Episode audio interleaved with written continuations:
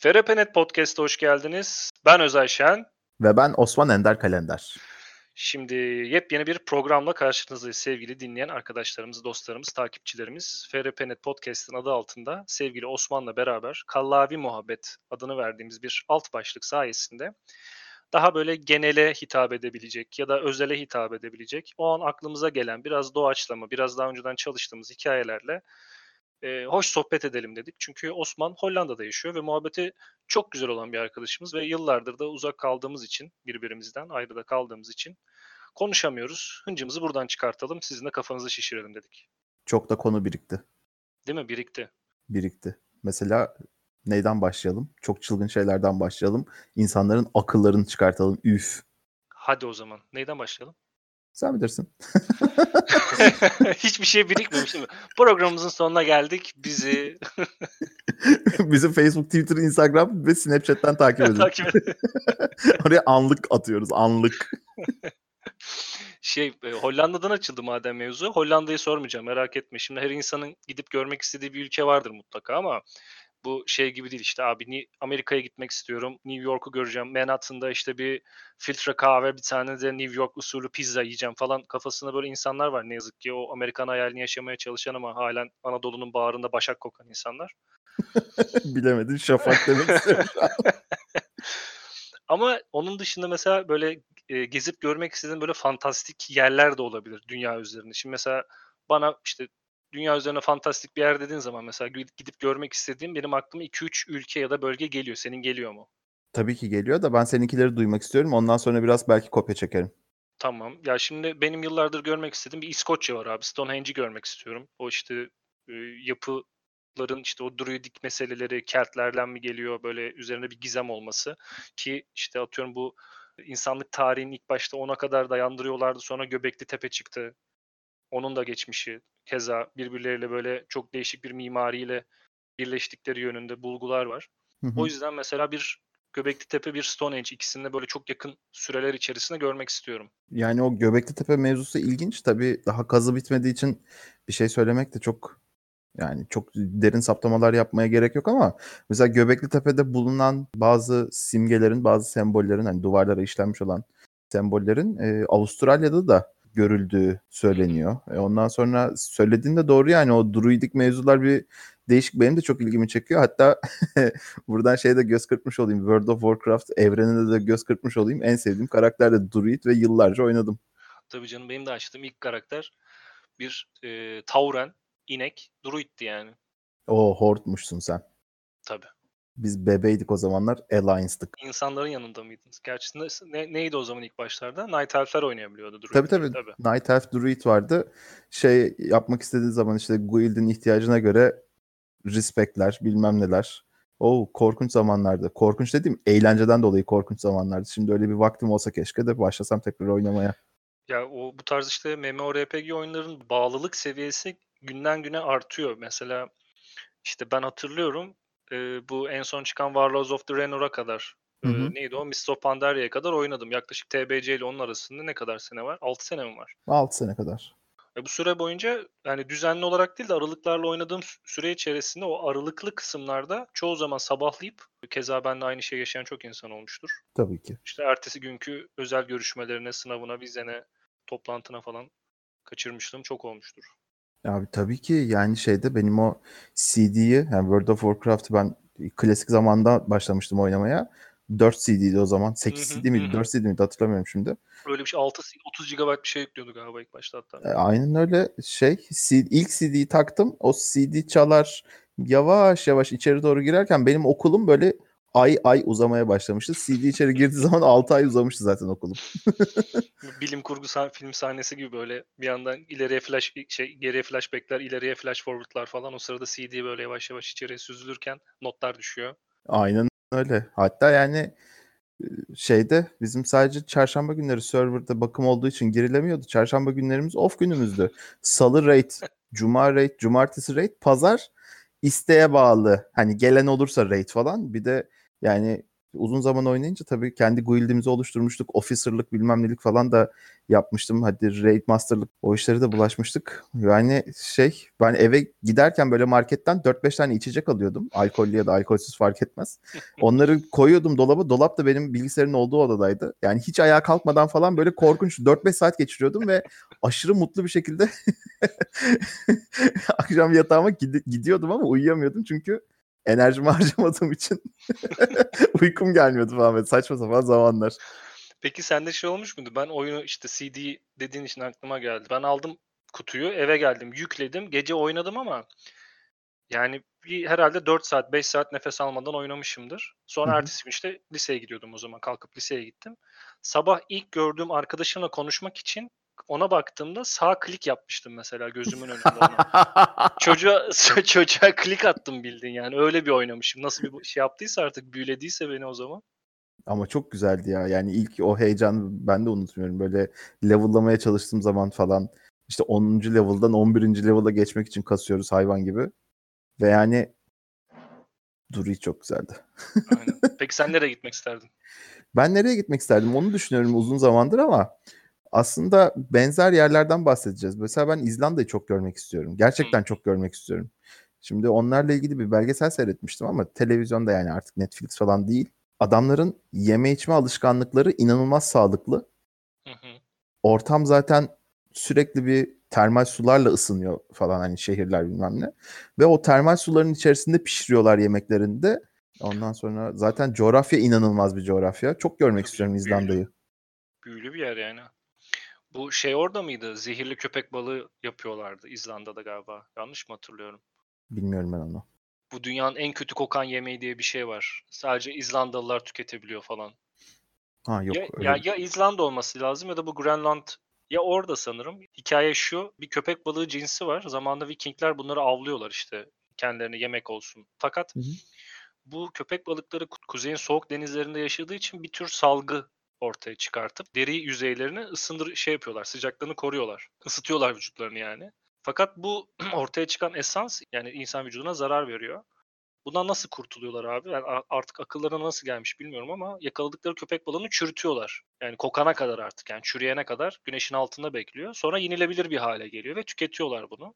Yani benim karşıma çıkmadı. Bunlar konservede satılıyorlarmış. Bu hatta e, Gordon Ramsay'in meşhur yemek hı. şefinin koklayıp da kustuğu ilk yemek falan hani diye böyle internette, YouTube'da falan araştırırsanız görürsünüz ki herifin tiksinme şey yok yani çıplak elle ölü fareyi alıp fırlatan işte üzerinde artık farklı bir flora fauna yetişmiş olan tavukları böyle alıp elinde mıncıklayan bir adam olduğu halde Yok o, o konuda hiçbir bilgim yok. Ama mesela bir televizyon programı daha izlemiştim. Bu Vietnam mutfağıyla alakalı. O, o geldi aklıma şimdi. Hani yenilebilecek en kötü yemekler gibi bir konu olunca. Restoranlarda her şey çok fazla taze tüketiliyor. Çok fazla taze hazırlanıp senin önüne sunuluyor. Mesela bizim balıkçılarda olur ya böyle bir tane buzdolabı. Buzdolabından dersin ki işte ben bu balığı istiyorum. Ondan sonra pazarlık etmen gerekir. İşte kilosunu kaça veriyorsun bilmem ne. Bu adamlarda o dolapların içerisinde aklına gelebilecek envai çeşitli hayvan var. Yani envai çeşitteki hayvandan kastım işte bunlar e, dana eti, bunlar domuz eti, bunlar tavuk eti, bunlar Adana şiş kebap bilmem ne falan gibi değil. Orada yeni ölmüş bir fare var örneğin. ya da işte yeni ölmüş bir yılan var. Sen diyorsun ki bunu istiyorum. Adam çıkartıyor onu pişirip önüne koyuyor falan. Korkunçtu yani. Tabii şöyle de bir şey var. Her kültürün ayrı kendine özel bir damak tadı gelişmiş. Ondan sonra e, insanlar çevresinde bulduklarını falan yiyorlar. Çok da şey yapmak istemiyorum hani çok da ne derler kötü konuşmak istemiyorum ama yani benim damak tadıma ya da benim hani görsel şeyime çok uygun bir e, tarzları yoktu o gördüğüm Vietnam mutfağının. Ama bir şey daha söyleyeceğim bu arada. Herkesin çok sevdiği mesela İtalyan mutfağı vardır ya böyle inanılmaz işte İtalyan kuzin, İtalyan kuzin falan diye dolaşırlar.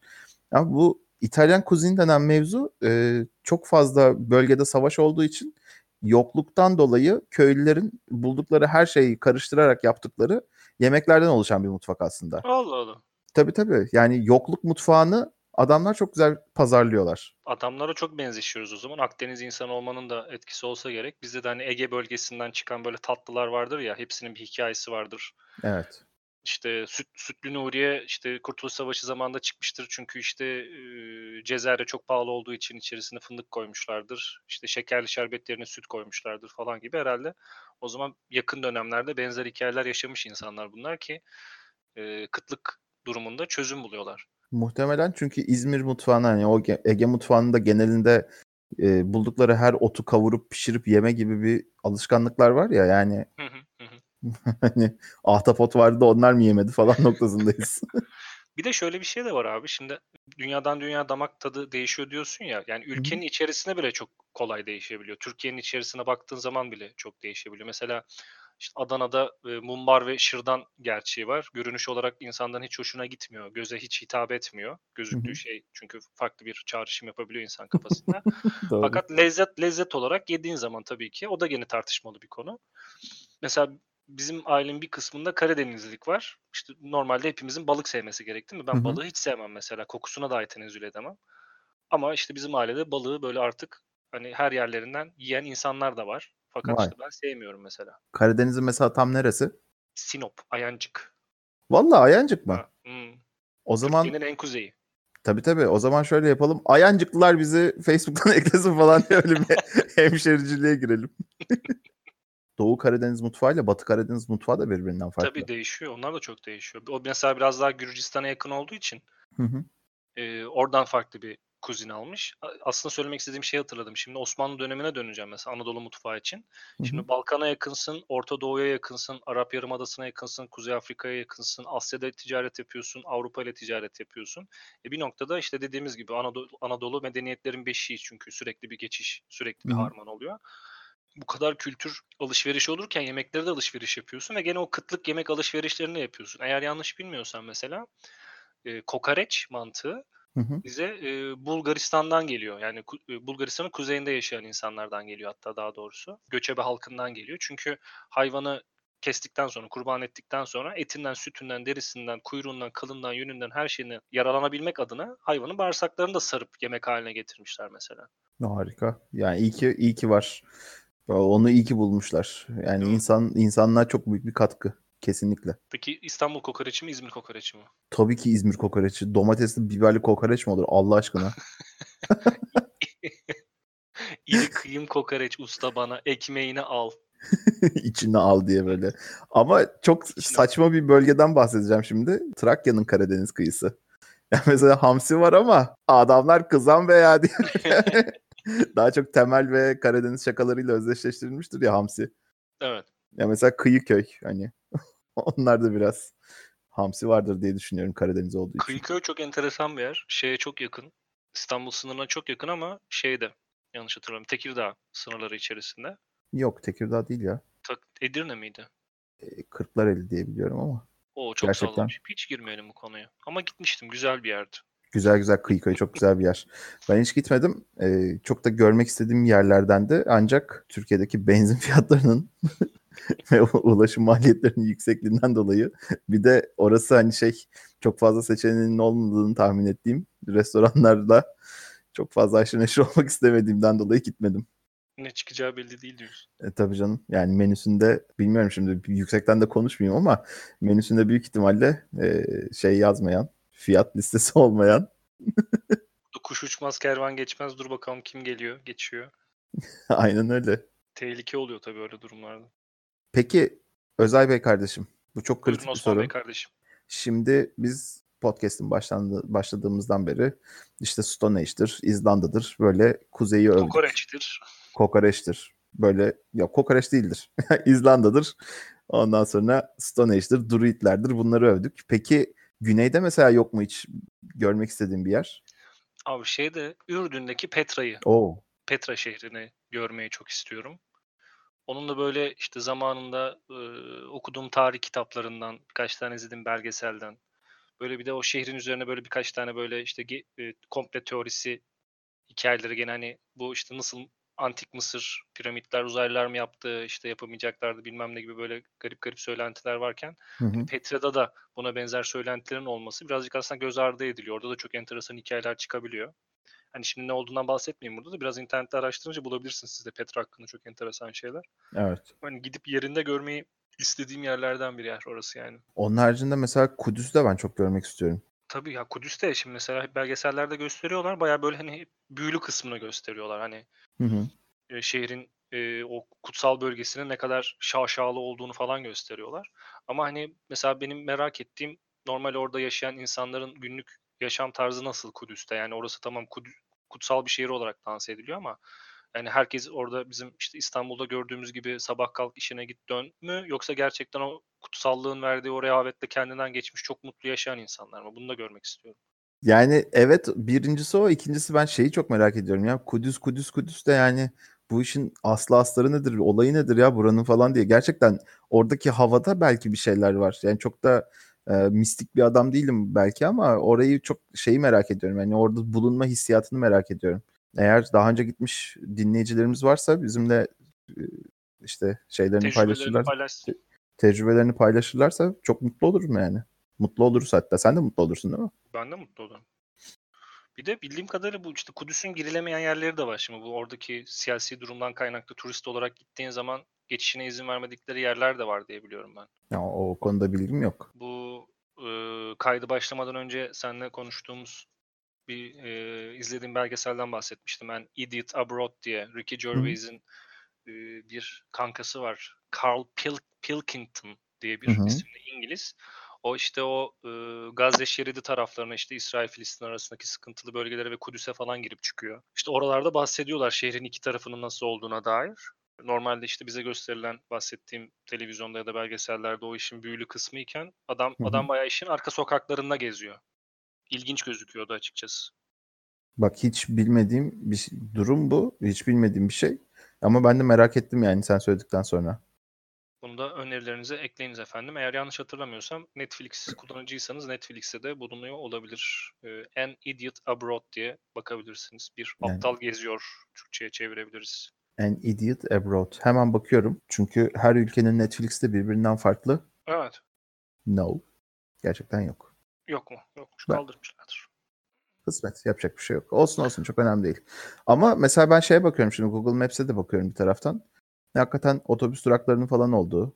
Ondan sonra yani bir iş hayatının vesairesinde döndüğü bir yer sonuçta. Büyük ihtimalle bütün oradaki çalışanlar e, turizmden ekmek yiyorlardır ama Tabii canım. Ya nasıl işte bize kapalı çarşının turistik çekiciliği var. Gerçi eskisi kadar yok ama yani Bir de bu- eskiden işte ha söyle. e, söyleyeyim. Bir de bu e, bizim daha çok Antalya'dan Çanakkale'ye kadar uzanan hatta Alanya'dan Çanakkale'ye kadar uzanan e, sahil şeridinde bir yer turistik olduğu zaman hemen oraya açılan çeşitli oteller, çeşitli işletmeler Doğru, minik minik doğru. başlayıp minik minik böyle siftine siftine derler bizim orada. Hı. Minik minik böyle hani şeyini kuran bir tane barakadan başlayıp ondan sonra bir tane beton bir bina haline alan çeşitli yemekçiler bilmem neler böyle böyle yollarını buluyorlardır diye tahmin ediyorum. Ya muhtemelen çünkü turist turizmin olduğu yerde işte bir çıkar sağlamak isteyecek olan kişiler olacaktır elbet ama işte bu işin suyunun çıktığı kısımlarda insanları rahatsız edecek durumlara dönüşmeleri, işte doğal yaşamı bozmaları ya da yerli halkı rahatsız etmeleri de tabii sıkıntı verici durumlar oluşturuyor. Tabii ki. Bir de benim aslında merak ettiğim bir yer daha var onu da söyleyeyim. Ha. Şimdi bu neydi o adamın adı? Cristoforo Colombo. Christ- Christopher Columbus yok. Her Kır- yedi kıtaya ayak basan adamım diyorsun eski. Yok ya Televizyon Christopher programı. Colomb işte. Bizim Ha, bildiğimiz Christoph Kolomb ya. Ha tamam eski. Kristof bu arada Cristoforo'dur İtalyanca. Hani haç taşıyan anlamına gelir. Oo güzel. Tabii tabii Bilgi. tabii. Kristof Kolomb işte şeye giderken Amerika'ya giderken e, son temiz su kaynağının bulunduğu ada olan Kanarya Adaları'ndan Amerika'ya geçer. Yani son mola yeri burasıdır. Hı hı. Ben onun için bu adaları da görmek istiyorum. Kanarya Adaları bu gece hayatının cıps cıps cıps takıldığı yer değil mi şu an için peki Avrupa'da öyle biliyorum ben. Tabii tabii yani daha çok güneyde olduğu için, ekvatora daha yakın olduğu için Daha Afrika Afrika kıtasının batısında kalıyor değil mi? Yanlış mı hatırlıyorum? tabii tabii Fas'ın batısı yani aslında. Fas'ın batısı. hı. Ama işte İspanya toprağı sayılıyor şu anda. Yani İspanya toprağı. Ve buraya Avrupa Birliği'nden insanlar kışın da güneşlenmeye gidiyorlar. Kışın güneşlenmeye gidiyorlar hatta. Yani yazın biraz daha pahalı. Hani yüksek sezonunda değil de kışın güneş görmeye, biraz daha güzel yemekler yemeye gidiyorlar. Hatta bir şey daha söyleyeceğim. Bir yer daha söyleyeceğim bununla ilgili. İspanya aslında çok enteresan bir e, ülke. İspanyolların şeyde e, Kuzey Afrika'da iki tane şehri vardır biliyor musun? Cebeli Tarık onu biliyorum geçiş kısmında. Tam karşı kıyıda bir şeyleri de var ama. Ya o haricinde- Ceuta. O Ceuta, Ceuta diye mi okunuyor bilmiyorum. Ceuta diye yazılıyor. Bir daha bir Melilla diye bir şehirleri var. Bu da yani Fas'a komşu. Peki böyle özel şehir gibi bir şey mi yoksa hani nasıl diyeyim işte Nahçıvan'la Azerbaycan gibi bir durum mu var? Bunlar şey Ceuta ile birlikte özerk il statüsünde. Hmm, anladım. Zamanında o zaman işte bu mübadele dönemi, savaş döneminde falan filan İspanya'nın vermek istemediği yerlerden birisi. O yüzden böyle Olabilir. özerk kazandırmışlar. Fas'ta artık kime ne bir şey diyecek adamın hakkı kalmamıştır orada. İspanya karşısında yaşanan onca olaydan sonra. Peki bir şey soracağım. Ee, konuyu şey yapacağım da dağıtmış gibi olacağım da Christopher Columbus işte Amerika'yı keşfetti muhabbeti var ya. Hı hı. Ee, daha öncesinde işte Amerigo Vespucci'nin gittiği o konu hakkında ne biliyorsun mesela sen denizcilikte aranın çok çok iyi olduğunu bildiğim için. Yani estağfurullah. Tabii benim bildiğim kadarıyla Christoph Kolomb gidiyor ilk önce. Ama daha sonra gidiyor Amerika Vespucci. Amerika Vespucci gittikten sonra zaten Ameriko Amerika falan o ismi alıyor. Yoksa Christoph Kolomb daha önce gidiyor. Ya tamam doğru ben yanlış söyledim sıralamayı da. Hı, olsun olsun. Yani Christoph Kolomb gidiyor Haiti adalarına çıkıyor hatta ilk. Hı hı. Ee, buranın işte Hindistan olduğunu zannediyor. Geziyor, dolaşıyor, bakınıyor. Geri geliyor. Sonra Amerigo Vespucci gidiyor. Oranın yeni bir kıta olduğunu fark ettiği için isminin Amerika kıtasının isminin Amerigo'dan geldiği söyleniyor.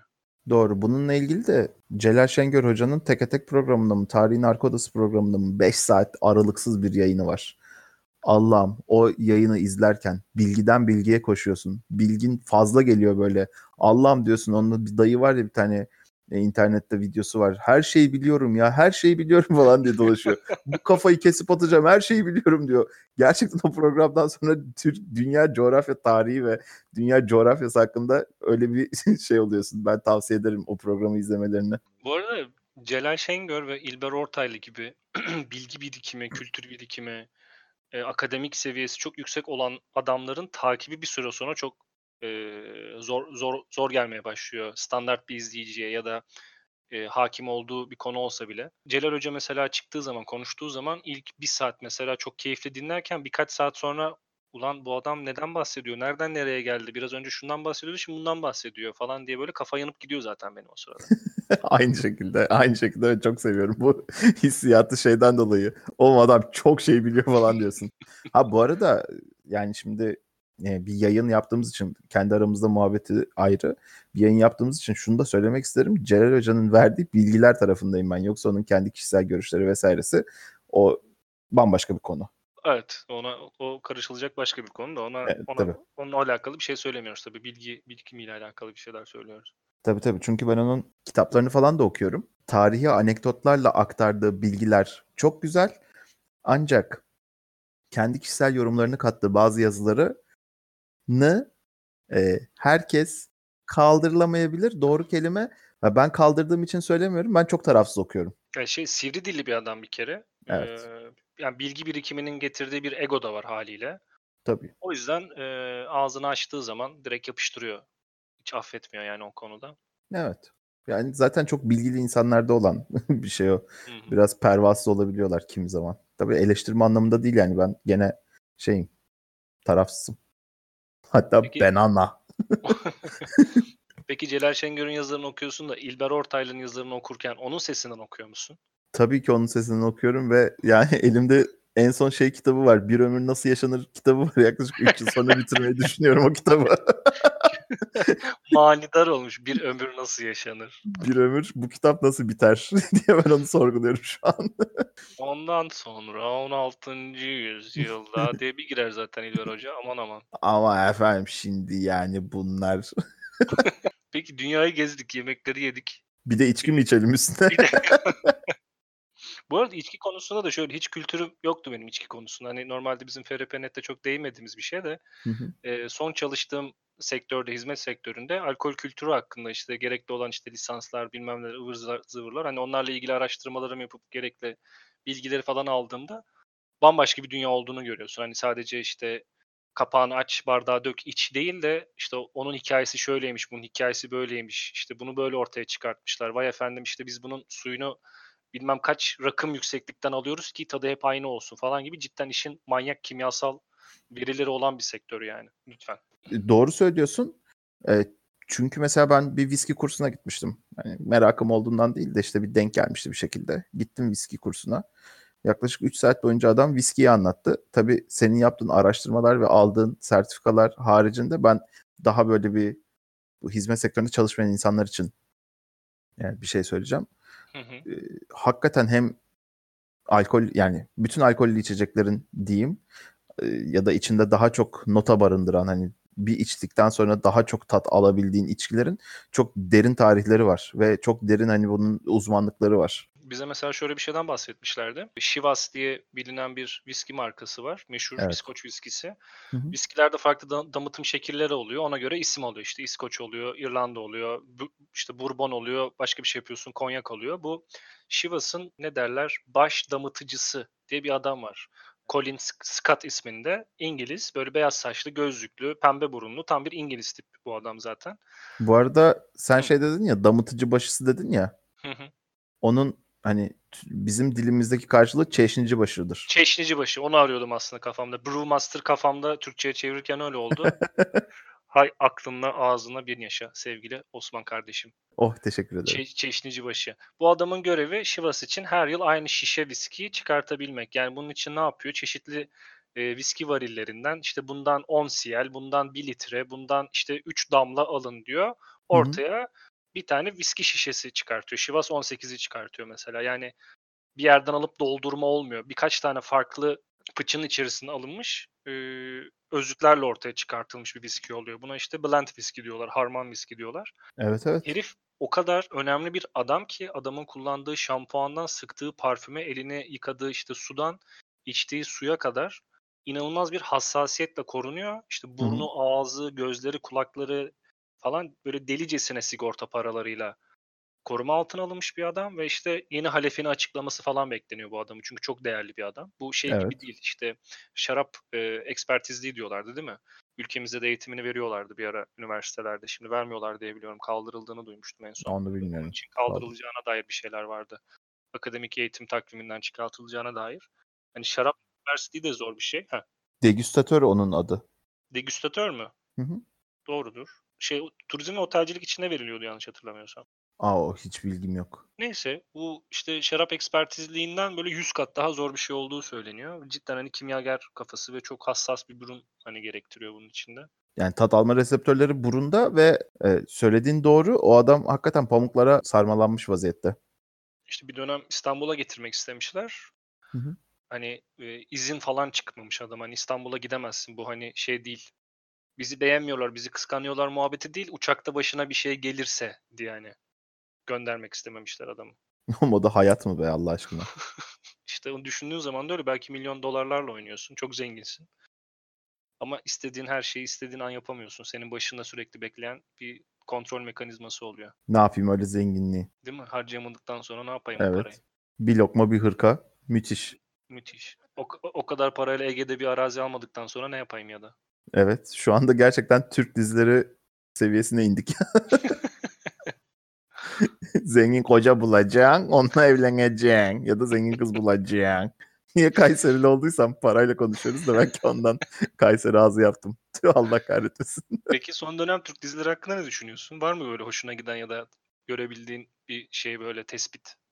Yok yok hiç valla Türk dizisi zaten uzun zamandır seyretmiyorum deyip burnu büyüklük de yapmak istemiyorum ama gerçekten öyle önüme düşmedi bir şeyler. En son hangisiyle kapandı? Leyla Mecnun işte Kardeş Payı falan onlarla kapandı yani benim için Türk dizisi. Bir de Türk dizilerinde hani şey de var. Bu zaten sektörün kendisinin içerisindeki insanlar tarafından dile getirilen bir problem. Yani insanlar şeyden sıkılmışlar işte iki saat boyunca yani her hafta iki saatlik bir e, dizi çekiyorlar ve bunu çok uzun sürelerde çekiyorlar ve o setlerde metlerde olan e, hikayeler, rezillikler yani rezillik derken hani insan haklarına aykırı çalışma koşulları vesairesi çok güzel değil. Onun için yani ben çok izlemedim Türk dizisi son dönemde. Seninle konuştuğumuz tarih şu an iki gün öncesinde. Ha ben de oraya geliyordum. Tam Ha. olarak oraya geliyordum. Ha. Ah, Konuş bakalım. Konuş. hadi tamam, bakalım. hadi Övelim mi o zaman? konuş. Of sen ne diyorsun ya? Haluk Bilginer övmeye odun gibi bağırarak başlayalım o zaman. Allah! Hey! Ama Allah herkese Haluk Bilginer İngilizcesi nasip etsin. Maşallah. çok güzel. Çok güzel konuştu adam. Ben zaten Haluk Bilginer hani severim sevmem falan gibi burnu büyüklüğe girmek istemiyorum. Zaten adam müthiş. Yani aldığı ödül de helal olsun. Helal olsun. Ee, bilmeyenler için de tekrardan şöyle bir ufak anekdot, böyle bir özet geçmekte fayda var. Haluk Bilginer, yani kendisi bir Türk tiyatrocu, televizyonlarda, sinema filmlerinde oynayan bildiğimiz Haluk Bilginer. 92. miydi yanlış hatırlıyor olabilirim. Emmy ödüllerinde 47. 47. pardon 92. galiba Oscar ödülleri olacaktı zaten. Yok 40, e, 92. Emmy ödülleri, 47. International Emmy ödülleri. Bu Ha. uluslararası Emmy ödüllerinden aldı. Ha.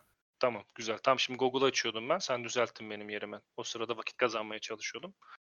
Neyse çok uzattım. Sevgili Haluk Bilginer, çok sevdiğimiz e, ünlü oyuncumuz. E, Emmy ödüllerinde en iyi uluslararası erkek oyuncu performansı dalında bir ödül kazandı. Ve işte çok güzel bir konuşma yaptı. Sonrasında da bildiğim kadarıyla bu sabah itibariyle de Türkiye'ye dönmüş durumda. İşte büyük ihtimalle şimdi röportaj yapmak için fellik fellik adamın kapısını aş- şey yapacaklar, arşınlayacaklar. Bu sabah itibariyle de Free Shop'tan viskisini aldı. Ekşi Sözlük'te okumuşsundur orayı. Okudum. E, Bilmeyen arkadaşlar için dedi ben tekrar etmiş olayım. Bir tane şey fotoğrafı var işte. Türk işte vergi sistemi dünya yani şey Türkiye'nin en büyük oyuncularından bir tanesine Free Shop'tan içki aldırıyor falan gibi böyle bir serzenişte bulunmuşlar. Peki ne düşünüyorsun? Yani Haluk Bilginer şahsiyeti izledin mi mesela oradan? Valla şahsiyeti izlemedim açıkçası. Sen izledin mi? Vallahi ben de izlemedim. O zaman hiçbir şey konuşamayacağız. Tatlı hayat konuşalım o zaman boş ver. Türkan Şoray'la uyumları muhteşem değil miydi? Asuman Dabağı kim unutabilir orada? Bir de Eyvah Kızım Büyüdü. Müthiş bir diziydi o da. Evet. Sonra Eyvah Babam oldu galiba değil mi o?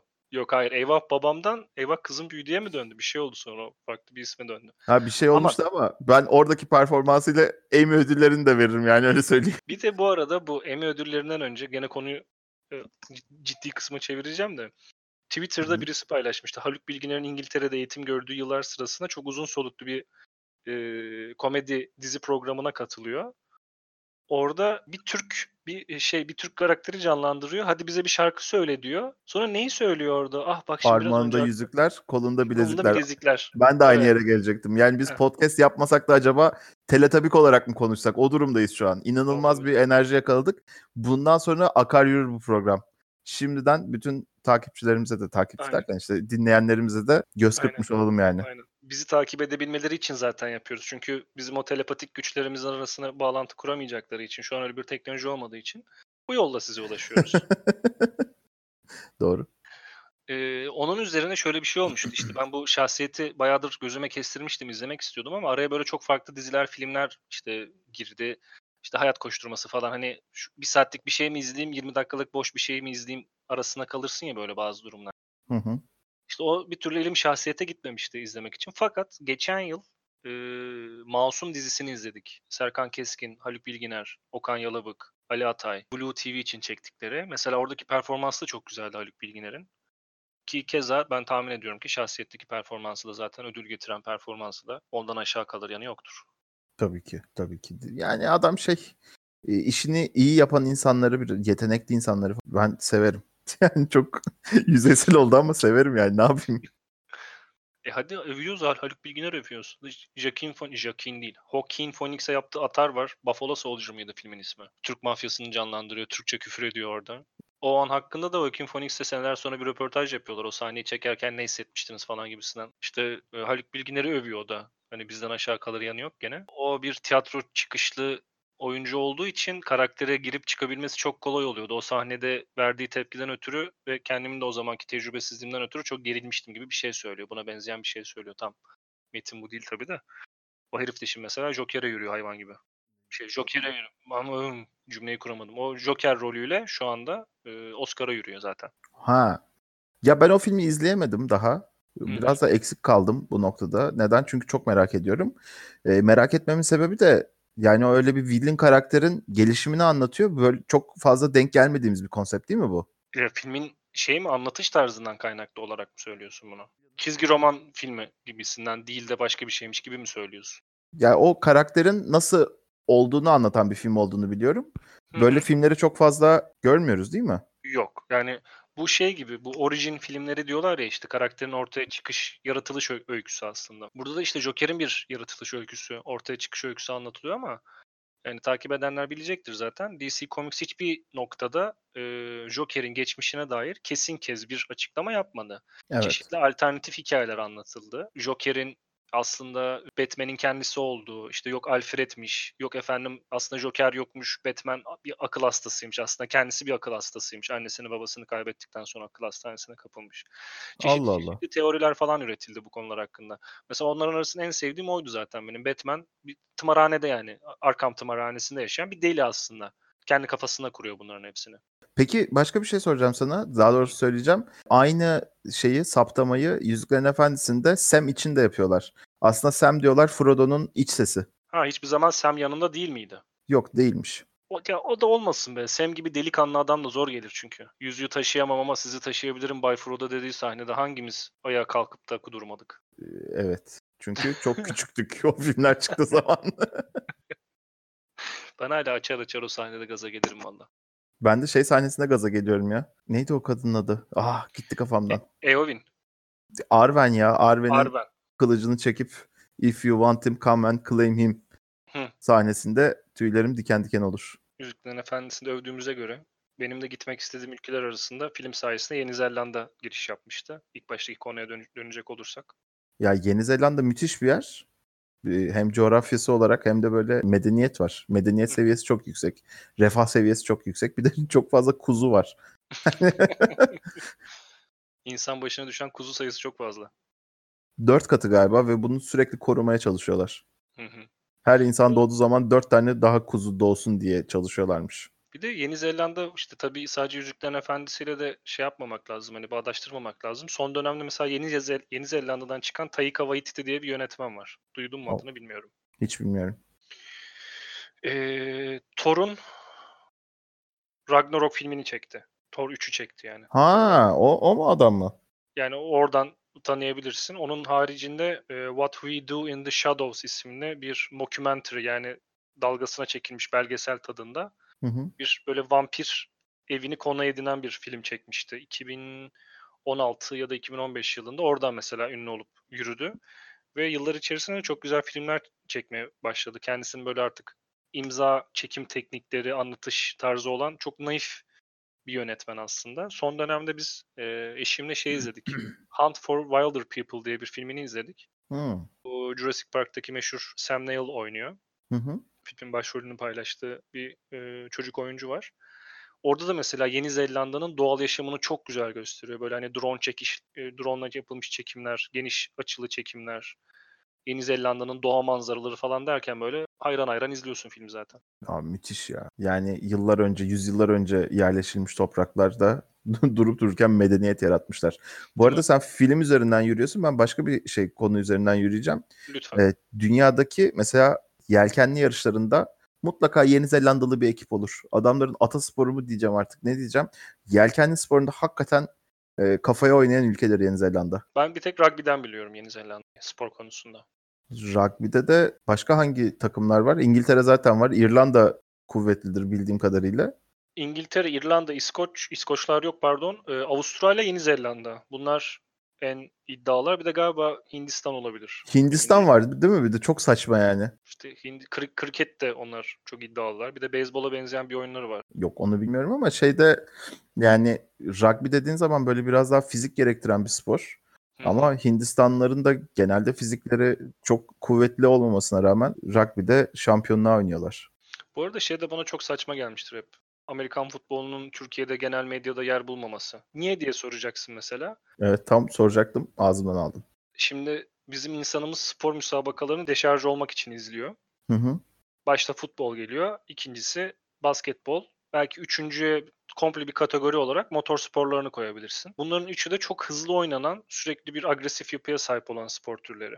Hı hı. Bizim insanımız bundan hoşlanıyor. Çok gol olduğu zaman mesela bir futbol maçında çok hoşlarına gidiyor. Basketbolda mesela son saniye üçlü olduğu zaman gene çıldırıyor millet. İşte motor sporları ülkemizde yapıldığı dönemler vardı. Orada deli gibi takip edildi. Abi Amerikan futbolunda bence bir Türk spor meraklısının aradığı her şey var. Bir kere şiddet var. Bir kere bol skor var. Evet. Ondan sonra iki buçuk saat boyunca yanlış hatırlamıyorsam oturup izleyebiliyorsun. Ama oyun minik minik duruyor ya orada. Belki onu sevmiyoruzdur. Evet büyük ihtimalle çok fazla kuralı olduğu için bizim insanımızın çok ilgisini çekmemiş olabilir. Üniversitelerde bildiğim kadarıyla Türkiye'de bir üniversite ligi bir de Anadolu Ligi diye iki tane farklı şey var. Lig var. Gayet de bildiğim kadarıyla Boğaziçi Üniversitesi ve Yeditepe Üniversitesi bu konuda da bayağı iddialılar. Yani ben o zamanlar okurken 2002'den fa- bahsediyorum. 2002-2008 arasında Itu Hornets diye İstanbul Teknik Üniversitesi'nde vardı bir takımı ve yani bir arkadaşım da oynuyordu bayağı o şeyde o takımda ve yani kuvve- kuvvetliydiler bir miktar. Kuvvetli ve gaslı adamlar. Kuvvetli, büyük ve kaslı. ve burunları kırık. evet. Yani düşündüğün zaman aslında sevmemek için bir neden yok gibi gözüküyor ama işte o teknik detaylar büyük ihtimalle insanların kafasını karıştırıyor olabilir. Çünkü bir gol atıyorsun mesela 6 puan anladın mı? 6 skor yazılıyor mesela. Ya da son işte son bir taktik yapman lazım. Bir skor atıyorsun 6 sayı öne geçiyorsun maçı kazanıyorsun falan gibi. Ya o kadarını bilmiyorum ama mesela şey bizim futbolun çok e, popüler spor olmasının sebeplerinden bir tanesi de işte yani Türkiye'de futbolun tarihinin olması aslında 1903'te, 5'te ve 7'de kurulan takımlar, Anadolu'da kurulan takımlar, ondan sonra bunların kendi aralarında yaptıkları maçlardan alınan keyif ve bazı taraftarlıklar babadan oğula geçiyor, babadan kıza geçiyor Tabii tabii. falan öyle bir hikayesi olduğu için yani yerleşmesi aslında yeni bir sporun yerleşmesi bir coğrafyaya biraz zor gibi geliyor bana.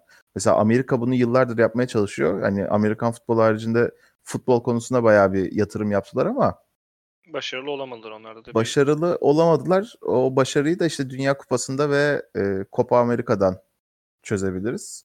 Hı hı. Yani bu kadar e, yatırım yapmalarına rağmen geri dönüş almamaları ya da işte çok fazla para vermelerine rağmen en verimli çağlarında değil de artık kıyak emeklilik zamanlarında o taraflara giden e, Ünlü futbol, futbolcular. ha, ünlü futbolculardan dolayı çok tutmadı yani. Aha, ama şöyle söyleyeyim hani tutmadı derken mesela bir Avrupa takımını yenemiyorlar ama statları mesela 80 bin 90 bin kişilik ve dolduruyorlar abi statları.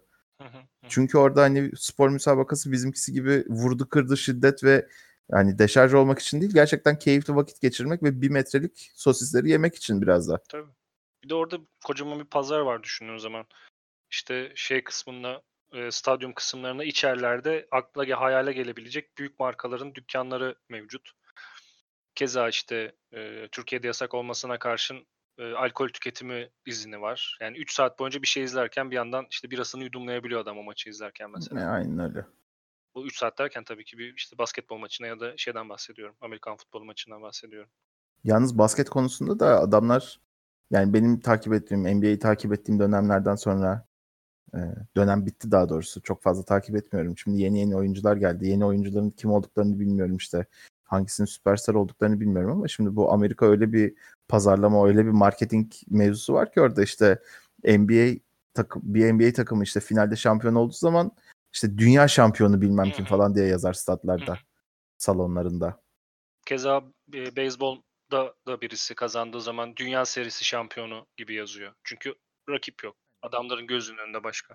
Ama işte rakip olmaya çalışan takımları da işte süperstarlar geldiği zaman madara edip gönderiyorlar. Yani öyle adamlar hakikaten. Ya e, basketbol antrenörlüğü yapan bir arkadaşımın söylemesine göre yani yıllardır basketbol sektörünün içerisinde hani eğitimini de aldı. Antrenörlük yapıyor şimdi. NBA diyor yani Amerikan basketbolu diyor. Biraz daha şov amaçlı diyor. Hani baktığın zaman, izlediğin zaman tespitlerden çıkarttığında Hı hı. çoğu zaman bazı hareketlere, bazı e, taktiklere karşı takımın izin verdiğini görürsün. Bunu ben tespit edebiliyorum diyor. Hmm.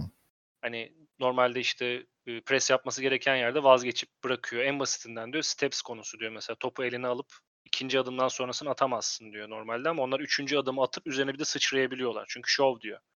E doğru. Seyirciyi beslemeleri gerekiyor. Çünkü zaten şeyde farklı işte üç, üçlük çizgisi, e, pota boyu ve bir iki tane noktada e, Avrupa basketbolu kurallarından farklı NBA. O yüzden diyor ki yani basketboldan keyif almak istiyorsan e, Avrupa basketbolunu izle daha çok keyif al- alırsın diyor hep. Üçlük çizgisi yenilerde yenilerde dedim birkaç yıl oldu. Ee, gene NBA standartlarına çekildi. Pota boyuyla ilgili bir şey bilmiyorum. Bizimkiler 3.05'te NBA 3.15 miydi? Bak çok Öyle bir şeydi galiba. Böyle minimal bir santim şeyinde farklılık var diye biliyorum ben de. Çok eskide kalmış o bilgimde. Yenilemem lazım. Hoş niye yenileyim ki? NBA'yi takip etmiyorum artık. Yok, ne oldu? NBA boykot mu ettik durup dururken? evet şu an NBA'yi boykot ediyoruz. Sizle beraberseniz FRP.net takipçileri NBA'yi boykot ediyor hashtag ile siz de tepkinizi gösterin. Bu kadar uzun hashtag sakın yazmayın. Bence bu hashtag'i yazmayın zaten. İşte bunun için sosyal medya okuyor insanlar. Daha kısa şeyler buluyorlar. Hani hashtag şeyleri buluyorlar. Bir de sosyal medyanın gücü diye de bir şey var. Durup dururken linç yemeyelim. NBA'den dava mava alırız şimdi. Aman diyeyim başa çıkamayız Osman senle. Tabii canım. Bizim etimizde budumuzda koskoca NBA orası. Hayır bir de hani sadece avukat değil NBA'den adam göndersinler. Zaten hepsi kapı gibi herif. iki buçuk metre. Onları görmemiz bile yolda yeter bence. Siz NBA laf mı ettiniz kardeş diye gelseler mesela. Hatta onun daha beterini anlatayım şimdi. Sene 2010. Hiç unutmuyorum. Ee, ben de İstanbul Teknik Üniversitesi'nin içerisinde işte kapalı spor salonunun olduğu yani kapalı spor salonunun içerisinde bir fitness salonu var. Oraya gidiyorum işte. Yok koşuyorum, yok kürek çekiyorum, yok bilmem ne kardiyo hareketleri falan yapıyorum. Ondan sonra İTÜ'nün o zaman birinci ligde oynuyordu basketbol takımı o fitness salonuna geldi. Hı hı. Ee, işte İbrahim Kutlay'ın oynadığı zaman tam olarak. 2010 dedim ama belki 2009'dur bilmiyorum artık. Neyse. Şey bizim 4 numara ve 5 numara hani uzun boylu olan adamları zenci seçmişler. Geldiler böyle şeye bir tanesi o 4 numara olan yani boyu 2.08 ya da 2.10 olan adamdan bahsediyorum. Böyle ağırlık kaldırıyor ama nasıl bütün fitness salonu inliyor böyle hua hua diye ağırlık kaldırıyor. Ondan sonra bir baktım o ağırlıklar kaldırılırken yani o adam tarafından o ağırlıklar kaldırılırken bizim 5 numara o da 2.12 olan zenci o adamı ağırlıklarla birlikte kaldırıp onunla çalışmaya başladı falan. Korkunç görüntüler yani anlatabiliyor muyum? Abi korkunçmuş gerçekten ya. Evet, sporumuzu da yaptığımıza göre Sporumuzu da yaptığımıza göre başka ne konu var? üzerine kahve içip dağılabiliriz. kahve konusu. Kahve konusunu açınca çok uzun konuşuruz. Bu arada sen hakikaten kahveyle ilgili ne düşünüyorsun? Yani kahveyle Şey- ilgili ne düşünüyorsun derken şöyle sorayım aslında. Ee, Türkiye'de ve dünyada 2010'dan sonra başlayan 3. nesil kahve ve yeni kahve demleme teknikleri hakkında böyle bir net bilgin var mı? Şöyle söyleyeyim abi. Ee, yani istersen olmadı başka bir podcast komple buna bile ayarlayabiliriz. Ya o konuda şöyle dediğim gibi son çalıştığım hizmet sektöründe gene alkolün yanında tabii ki bize kahve eğitimi de verdiler. Hı hı. Kahve biraz daha benim için ikinci planda kaldı bu, bu eğitimler sırasında. Süper, %100 hakim olduğumu söyleyemem ama bu eğitimi aldıktan sonra kahveye bakış açım değişti. Şimdi bu Hı. üçüncü dalga demem sebepleri mesela şundan kaynaklı. Normalde birinci dalga muhabbeti şuydu işte 1920'lerde 30'larda kahve içmeye giderdin. Filtre kahveyi işte demlerde verirdi sana. Bu birinci dalga diyorlar mesela buna. Standart düz kahve sıcak suyu dök ver. İkinci dalga dedikleri muhabbet bu Starbucks'a beraber yayılmaya başlayan coffee shop'lar. Hı hı. Senin isteğine tercihine göre hızlı bir şekilde alıp tüketebileceğin ve aynı zamanda oturup kimsenin seni rahatsız etmeyeceği yerler. Bu üçüncü dalga muhabbeti de kahvenin kimyasal kısmını ortaya çıkartan muhabbet. İşte 92 derece suyla kaynatacaksın. İşte her litre başına şu kadar gram kahve koyacaksın. İşte önce işte karbondioksitlen işte oksitlenmesini sağlayacaksın. Karbondioksiti çıkacak. Öyle tadını daha iyi alırsın. İşte şu çekirdek daha acıdır, şu çekirdek daha tatlıdır. Şimdi bunları ilk söylediğin zaman hadi canım bu kadar da çok detaya gerek yok abi kahve ne kadar farklı olabilir diyorsun. Ama işin içine girdikten sonra cidden kahve içmenin ne kadar lezzetli bir şey olabileceğini öğrendim. Kahve hakkında da şöyle bir söz vardır zaten. E, satın alabileceğin en ucuz lükstür derler kahve için. Öyle mi? Tabii. Ben bilmiyordum ben bunu. Ama doğru, doğru. Komik bir şey. Ya dünyanın neresine gidersen git. işte atıyorum Amerika'ya git. 1 dolara kahve içebilirsin. Türkiye'ye gel. Tamam hani 1 lira olmasın ama 5 liraya bir kahve içebilirsin bir yerde. Hı hı. Ve e, şunu da fark ediyorsun tabii içmeye başladıktan sonra. Bu bizim üçü bir arada dediğimiz normalde daha önceden kaynatılmış kahvenin üst tarafa çıkan köpüğünün tekrar soğutulup paketlenip e, kullanıcıya aktarıldığı kahvelerin çok zararlı olduğunu öğreniyorsun. Evet, direkt yani, kilo yapıyorlar. Direkt kilo yapıyorlar. Damarları tıkıyorlar. İşte erkeklerde ve hanımlarda selülite ve yağlanmaya ve çatlamaya yol açıyorlar. Hı hı. O yüzden hani bu işin biraz, ben birkaç yıldır biraz da şeye kafayı taktım. Biraz daha sağlıklı yaşamaya çalışayım ama yani hem kendi bütçemi çok yormadan çünkü sağlıklı yaşayayım diyorsun. Çok organik bir şey almaya çalıştığın zaman fiyatlar bambaşka yerlere çıkabiliyor. Hani olabildiğince hayatımdaki zararlı şeylerden uzaklaşayım ki kendime yaşlılık dönemimde, emeklilik dönemimde biraz daha iyi davranmış olayım yani o kısım geldiği zaman. Geçmişe bakıp da ulan genç Özay çok haltlar yemişsin sen demeyeyim. Evet. O yüzden bu taze kahve işte taze çekilmiş kahve, evde filtre kahve demlemek, muhabbetleri falan bence acayip keyifli bu arada. Sen ne düşünüyorsun bu arada? Onu da öğrenmek isterim. Kesinlikle öyle. Bu zaten ben başka bir podcast'te anlatmıştım bu hikayeyi. Yani kahve bir yolculuktu benim için. İlk işte bir İtalya'ya gittim. Orada bir espresso içtim. Türk kahvesinden ayrı bir kahve içmiştim ve aklım çıkmıştı. Anlatabiliyor muyum? Lan dedim bu ne böyle? Müthiş bir şey bu. E ondan sonra onun şeyden Chibo'dan e, bir tane kapsüllü kahve makinesi aldım hemen Türkiye'ye döndüğüm zaman. Ki o zamanlar ulaşılabilirdi şu anda. Baktım fiyatlarına 700-800 lira 1000 lira civarında. Ama ben o zaman maaşımın neredeyse yüzde biriyle falan yani yüzde biri demeyeyim tabii ki o da çok abartı da. Ya çok Aman küçük aman. bir kısmı. ya çok küçük bir kısmıyla hani yani bir gece dışarı çıkmayayım. Ondan sonra onun yerine bir kahve makinesi alayım gibi böyle bir makro mikroda satın almıştım o şeyi e, tabletleri. E, makineyi daha doğrusu. O sonra tabletlerden kahve içmeye başladım. Onun tadı ve kokusu böyle bir bayat gelmeye başladı bana. Peki dedim bunun başka bir yöntemi yok mu? E, dediler espresso makinesi alacaksın o zaman. Hop gittim espresso makinesi aldım. Yok moka patonu aldım. Ondan sonra e, espresso makinesi de bu arada giriş modeliydi. Hani onun içinde mesela 4 gün dışarı çıkmadım. Yani 4 hafta sonu. yani cumartesi pazar cumartesi pazar 4 gün Anladım. dışarı çıkmadım gibi. Ondan sonra ama gene o makinenin fiyatları da korkunç artmış son dönemde. Sonra mesela benim çok sevdiğim bir kahveci var. Antalya'da gerçi İstanbul'da da vardır mutlaka işini hakkıyla yapan ama hakikaten bilen birisinin, bilen birisi derken bu arada kahveye başladığın zaman şeyden başlıyorsun. İşte ziraat mühendisinden başlıyorsun. yani konular onu kapsıyor ama çıktığın noktada artık kimya ve akışkanlar mekaniği ile ilgili bir şeyler konuşuyor oluyorsun. Tabii O tabii. saçma sapan bir e, bilginin olması gerekir. Hani nitelikli kahveyi içip nitelikli kahvenin böyle e, anlayabilmek için.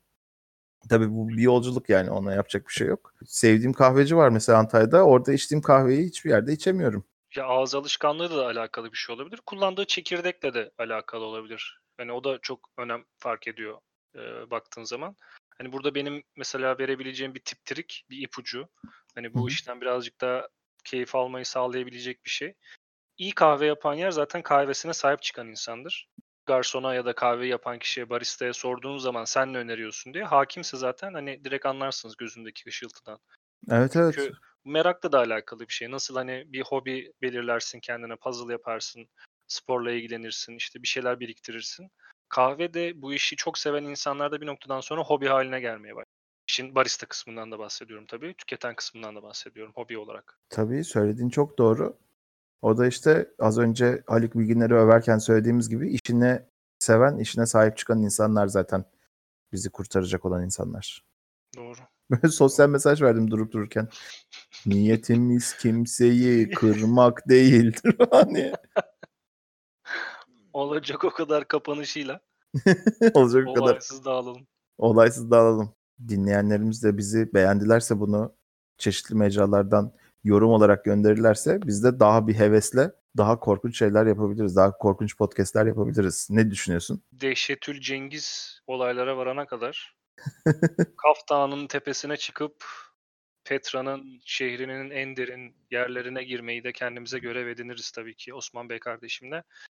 Şöyle ki bu bizim Osman'la yaptığımız ikinci podcast kaydı. FRP'nin podcast'inin altına. Daha önce e, Kallavi Muhabbet isimli. Yanlış hatırlamıyorsam 10. podcast'imizdi zaten. 10 numara bir podcast olmuştu. Böyle kendi aramızda konuşurken ya biz bu işi hani sadece FRP.net'in beslendiği içeriklerden değil de bizim kendi beslendiğimiz içeriklerden hoş sohbet edebileceğimiz bir şeye nasıl çeviririz derken böyle bir şey çıktı ortaya. Osman'ın da dediği gibi zaten hani FRP.net'in çeşitli sosyal medya mecralarından, Facebook grup ve sayfasından ve Twitter hesabından hani düşüncelerinizi de paylaşırsanız ya da bu konuşmaların nereye doğru yönlenmesini isterseniz ona göre de kendimize bir çeki düzen veririz. Hani dersiniz ki spor bahsetmeyin bize kokoreç anlatın. kokoreç yiyebiliriz mesela. En güzel kokoreç nerede yenir? O harika. Müthiş konu. Yani sonsuza kadar bahsedebilirim kokoreçte. Hiç sıkıntı değil. Bu arada dinleyenlerimizden hani şey şu konuyla ilgili görüşlerinizi de merak ediyoruz gibi bir şey çıkabilir. Mesela o, o konuda da varız yani buradayız. Konuşuruz. Yani e, bunu dinliyorsanız YouTube üzerinden aşağı yorum olarak atabiliyorsunuz. E, Spotify üzerinden ya da Podbean üzerinden dinliyorsanız Ona yapacak hiçbir şeyim yok. Orada henüz yorum butonu bulunmuyor. E, fakat sosyal medya mecralarından keza kişisel e, Twitter hesaplarımız üzerinden de hani olmadı bize etiketleyerek ki beni Ekvator tilkisi olarak Osman'da nasıl buluyoruz? Devlet olan Osman. Devlet olan Osman. Kırıl. olarak, olarak bulup şey yapabilirsiniz. Kulağımızı çekip bir şeyler söyleyebilirsiniz bence. Tabii ki canım. Katkılarınız zenginliğimizdir her zaman için onu söylerim. O zaman yolculuğumuzu sonlandırıyoruz. Anadolu'dan başladık. Gezdik bir güzel. Yalnız Anadolu'dan diye başlayınca bir an aklıma Avrupa yakası jingle'ı geldi. Zor tuttum kendimi. Anadolu'dan kop gel diye başlayan var ya meşhur. Tabii tabii. Anadolu'dan başladık. Petrol'e kadar gidip Yeni Zelanda'da bir kokoreci gömdükten sonra Amerika'da New York'ta pizza yerken bir kahve muhabbetiyle sonlandırdık bu podcast'imizi. O zaman son eklemek istediğim bir şey var mı? Yok. Çok son eklemek istediğim bir şey yok şimdilik. O zaman bizi dinlediğiniz için çok teşekkür ediyoruz.